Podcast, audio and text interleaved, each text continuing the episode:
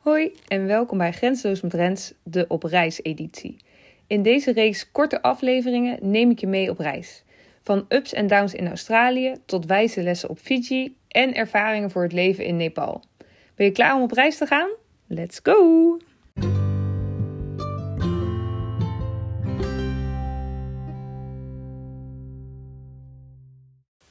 De eerste aflevering van Grenzeloos met Rens op reis.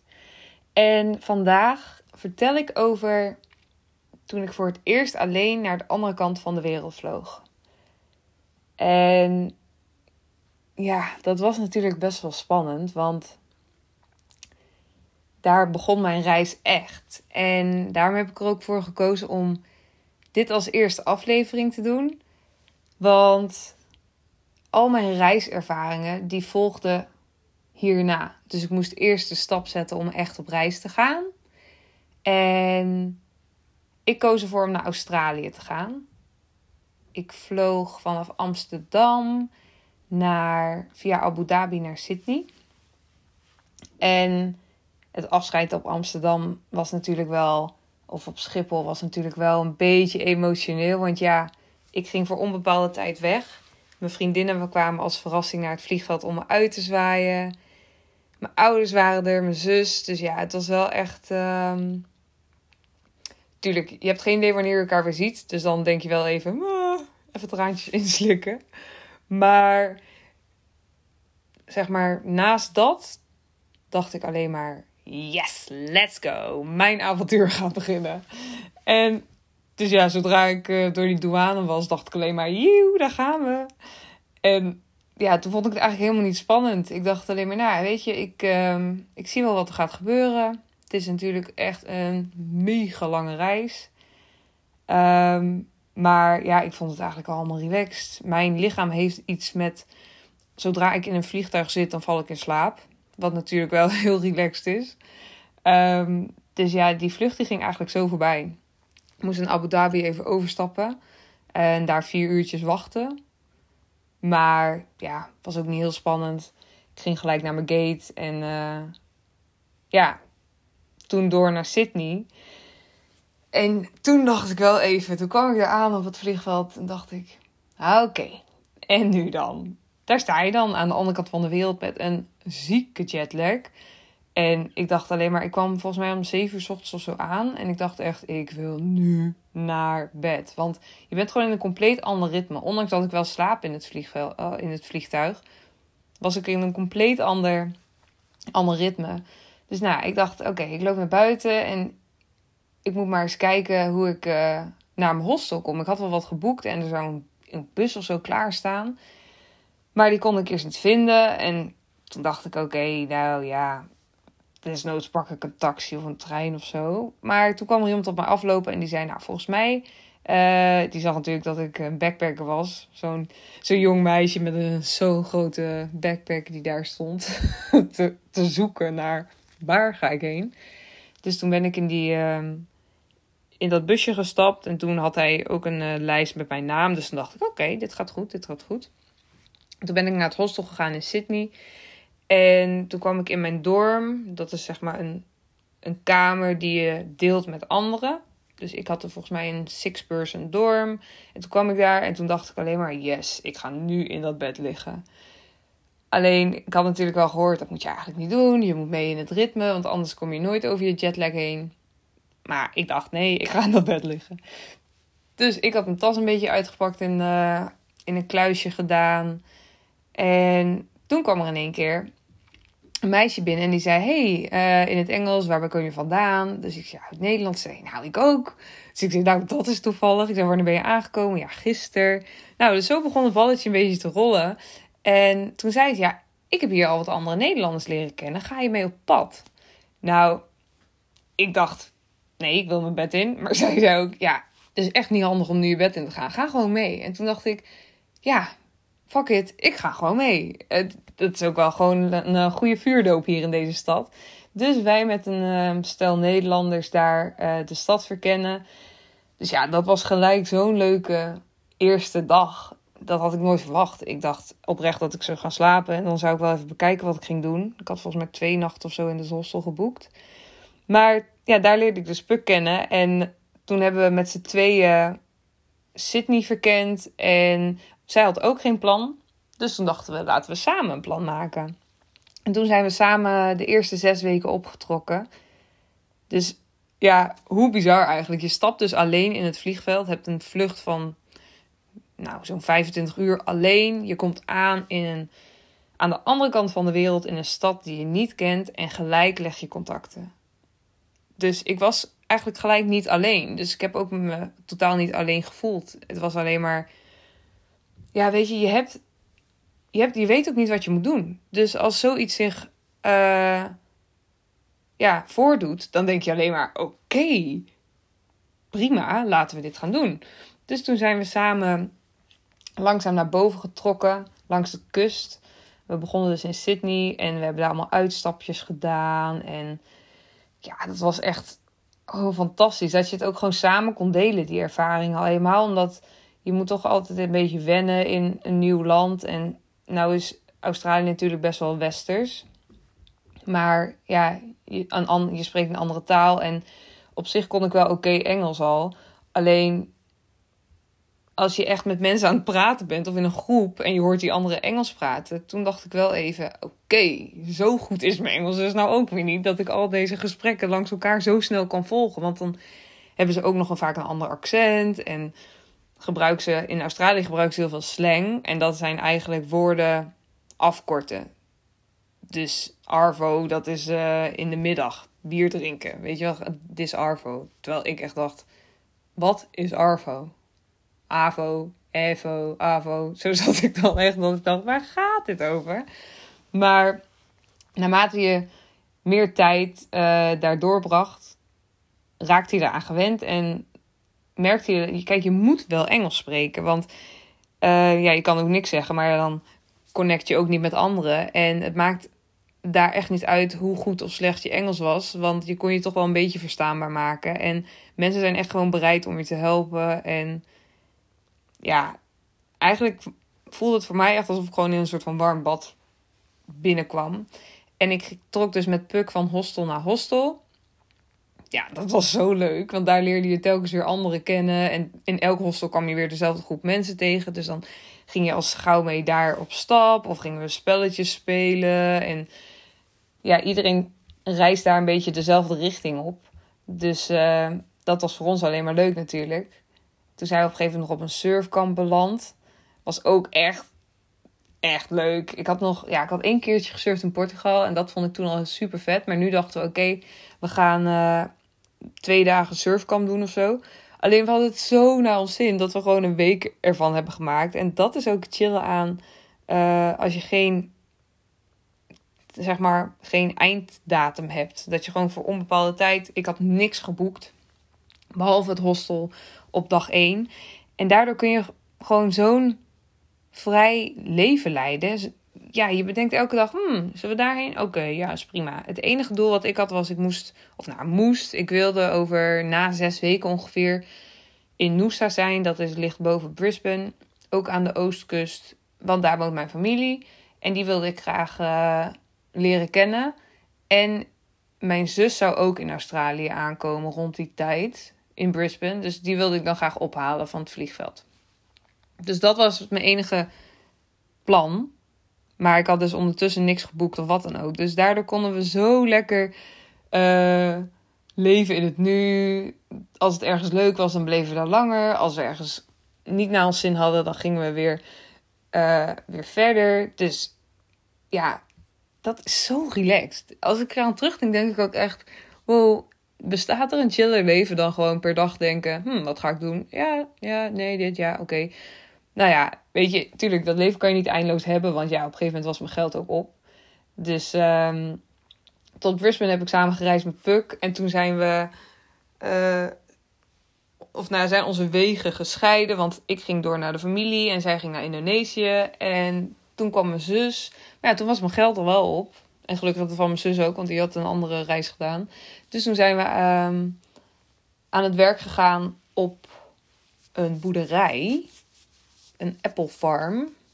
Fruit farm in Adelaide. En weet je, dat zijn ook zulke dingen. Je hebt van tevoren denk je, hoe kom ik wel aan werk daar? En ik moet het eigenlijk allemaal van tevoren vastleggen, want ik heb zekerheid nodig. En, maar je leert daar zoveel mensen kennen. En die vertelt over die werkervaring, die vertelt over die werkervaring. En daardoor, via via, kom je gewoon in contact met bepaalde mensen. En daar kan je dan gewoon werken. Ja, eigenlijk ging het wel zo. Wij waren op een, uh, bij de Whit Sundays. Dat is echt super mooi. Dat is in het noorden van de oostkust, zeg maar. Bij, bij die mooie. Ja, het zijn een soort van eilanden um, in de oceaan. En het. Nou ja, een eiland ligt altijd in de oceaan. Maar hele witte stranden en heel helder blauw water. En daar zaten we op een. Uh, een tour en daar waren andere backpackers. En één iemand vertelde ons dat hij net uh, haar farmwerk, haar, uh, haar boerderijwerk had afgemaakt. En dat cherry season voor de boeg stond. Dus dat ze nieuwe mensen nodig hadden. Dus, mm, nou ja, naar Wik en Wegen. Ik wist, wilde eigenlijk ook wel in Noosa blijven en daar werk zoeken. Maar mijn zus die zei, ja, ik heb geld nodig, dus ik ga daarheen. En Adelaide, voor je verbeelding, ligt helemaal in het zuiden van Australië. En wij waren nu ongeveer halverwege de oostkust. Dus ik denk dat het zo'n, nou, wat zal het zijn, 3000 kilometer verderop is. Misschien nog wel meer zelfs. Um, dus, nou ja, toen zijn wij hals over kop naar Adelaide gevlogen. En zijn we daar aan de slag gegaan op een boerderij. Nou, ja, zal ik dit, is dit een verhaal voor nu? Nou, ja, op zich wel. Weet je, het zijn ook allemaal allemaal eerste ervaringen. Want ja, voor het eerst alleen naar de andere kant van de wereld. Dat was een ervaring op zich. Um, mijn zus zou overkomen, dat wist ik. Alleen we hadden geen idee of we samen gingen reizen. Of dat we beide onze eigen gang gingen. En toen uh, wat, nou, kwam het er zo uit dat we beide wel op die boerderij konden gaan werken. Dus nou, wij dat doen. Wij daarheen. Het was in de Adelaide Hills. Dus dat, uh, Adelaide is een, nou, op zich wel een redelijk grote stad. Um, en dan waar wij werkten was dat echt in de heuvels, dus een beetje uit de stad, zo'n 20 minuten. Maar echt een super mooie omgeving met allemaal um, ja, fruitgaarden. Geen wijngaarden, maar fruitgaarden als dat een woord is. En um, wij moesten dan in een uh, schuur werken en appels sorteren. Nou, dat was echt even ik heb daar ongeveer, denk ik, gemiddeld vijf mental breakdowns per dag gehad. En dan, dat ging ongeveer van: ik kan dit, Rens, wat stel je aan? Je moet appels sorteren, come on. Naar ik ga echt helemaal dood, mijn rug begeeft het, ik kan niet meer. Hoe houden mensen dit vol? Echt die uiterste. Want ik zal even een beeld erbij schetsen. Ehm, we stonden aan een lopende band. En op die band kwamen die appels aanrollen. En dan moesten wij die appels in van die uh, kartonnen dingen leggen, waar wij ze ook in de supermarkt vindt. En moesten we kijken of ze goed waren. Waren ze goed, dan moest je ze daar snel in leggen. Waren ze niet super mooi en supermarktwaardig, dan moest je ze naar uh, een band erboven leggen, want dat ging naar de markt. En als ze echt verrot waren, dan gingen ze in de prullenbak op de grond. Want daar wordt uh, de juice van gemaakt. Dus als je denkt, hmm, lekker appelsapje, dat is gewoon van rotte appels gemaakt. Maar blijkbaar kan dat. En uh, dus je moest acht uur per dag ongeveer aan zo'n lopende band staan en die appels sorteren. En nou denk wij, eerlijk gezegd, dacht ik, nou, makje, weet je, dat is niet zo moeilijk. Want daar waren best wel veel andere backpackers en die deden dat ook allemaal. Maar die eerste twee weken waren echt killing. Mijn rug deed zoveel pijn. En ik was zo blij dat mijn zuster was. Want we hebben elkaar echt er doorheen gesleept. En het is ook zo'n tweestrijd in je hoofd dat je denkt: jeetje, jij. Of nou, dat had ik dan. Ik ben echt een verwend kind. Ik kan helemaal niet werken. Ik weet niet eens wat werk is. Want uh, wij Nederlanders zijn super rijk. En ik sta hier te klagen terwijl ik hier. Uh, terwijl anderen dit dag en nacht moeten doen. Zo ging het een beetje naar. Uh, ik hou dit niet vol. En ja, het is eigenlijk echt bizar dat je zo denkt. Maar het was echt zwaar die eerste twee weken. Alleen na die twee weken begon je lichaam eraan te wennen. En dat is op zich met alles zo, ook met hardlopen en wat dan ook. Maar die link kon ik toen op dat moment nog niet leggen. um, dus na twee weken tijd uh, ging het beter en kregen we uiteindelijk echt een fantastische tijd op die boerderij. We waren met een groep van 20 backpackers, denk ik. En de familie van wie de boerderij was, dat waren, die hadden kinderen en die waren onze leeftijd. Dus die namen ons overal mee naartoe. Naar feestjes, naar de stad, naar een beachhouse om Australia Day uh, te vieren. En zo'n leuke tijd gehad. Echt te bizar voor woorden. Dus ja, dat is ook weer zoiets van dat in het begin denk je echt dat het echt een killing situatie is. Dat je denkt, waar heb ik me nou weer in, of mezelf weer ingekregen, zeg maar. Maar uiteindelijk krijg je er zoveel goeds voor terug. Dus ja, dat is alleen maar weer zo'n bevestiging dat je soms echt gewoon even door moet zetten. En, en het gewoon moet doen. In plaats van je beperken, beperkte overtuigingen en gevoelens de overhand laten nemen. Want ja, ik denk wel dat ik te danken heb aan mijn zus en zeg maar dat we elkaar hadden dat we door konden gaan. Het was, ja, het was echt een interne strijd, maar het was uiteindelijk ah, zo geweldig. Echt, een van mijn hoogtepunten van Australië is echt dat farmwork dat we daar hebben gedaan. En die uh, vrienden die we daar hebben gemaakt. Ja, het was echt, echt fantastisch. Dus ja, aan alle dingen die, je, die in het begin misschien spannend lijken of niet super of wat dan ook. Er zit altijd iets in waarvan je denkt: oh, dit is toch wel heel tof. Of je haalt er toch meer uit. Want ik hoor gewoon best wel veel die zeggen: ja, maar alleen op reis naar de andere kant van de wereld. Dat alleen al is een, een stap voor sommigen.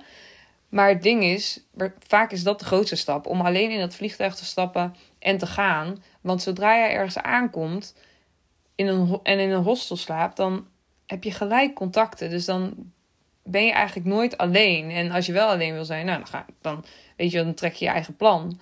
Maar als je behoefte hebt aan contacten, dan uh, heb je die eigenlijk zomaar. Dus ja, dit en dit, dit verhaal, dit korte, of nou, kort verhaal, dit verhaal van, uh, is dus van de eerste vijf maanden dat ik in Australië was. En uiteindelijk ben ik er een jaar geweest. En heb ik nog heel veel andere leuke dingen gedaan. En ook nog op andere plekken gewerkt. Want kijk, het mooie aan het farmwork was dat je dan weer even geld verdient. En dan kun je weer doorreizen. Zo deed ik het in ieder geval. Dat ik uh, dacht, oké, mijn geld is op. Ga werken.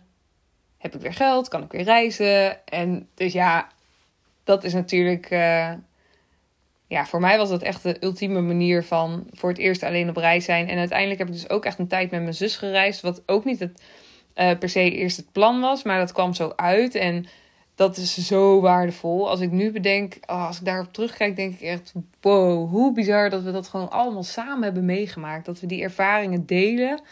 En ik hoef maar één ding te zeggen. En zij over bijvoorbeeld uh, boerderijwerk. En zij weet gewoon gelijk uh, waar ik het over heb. En over de mensen. We kennen dezelfde mensen. En ja, dat is echt wel echt fantastisch.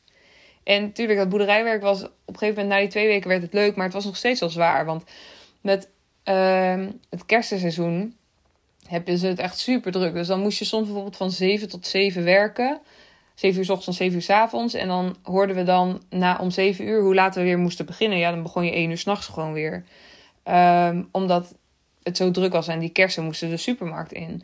Dus ja, het zijn ook wel echt slopende weken geweest. Maar omdat je zo'n leuke groep had en zo'n leuk gezelschap, weegt dat er gewoon tegenop. En daarentegen, of daarnaast staat natuurlijk ook er tegenover dat je echt wel goed geld verdient in Australië voor uh, farmwork. Dus als we echt, ja, je kan wel rekenen op sowieso wel 700 dollar per week, denk ik.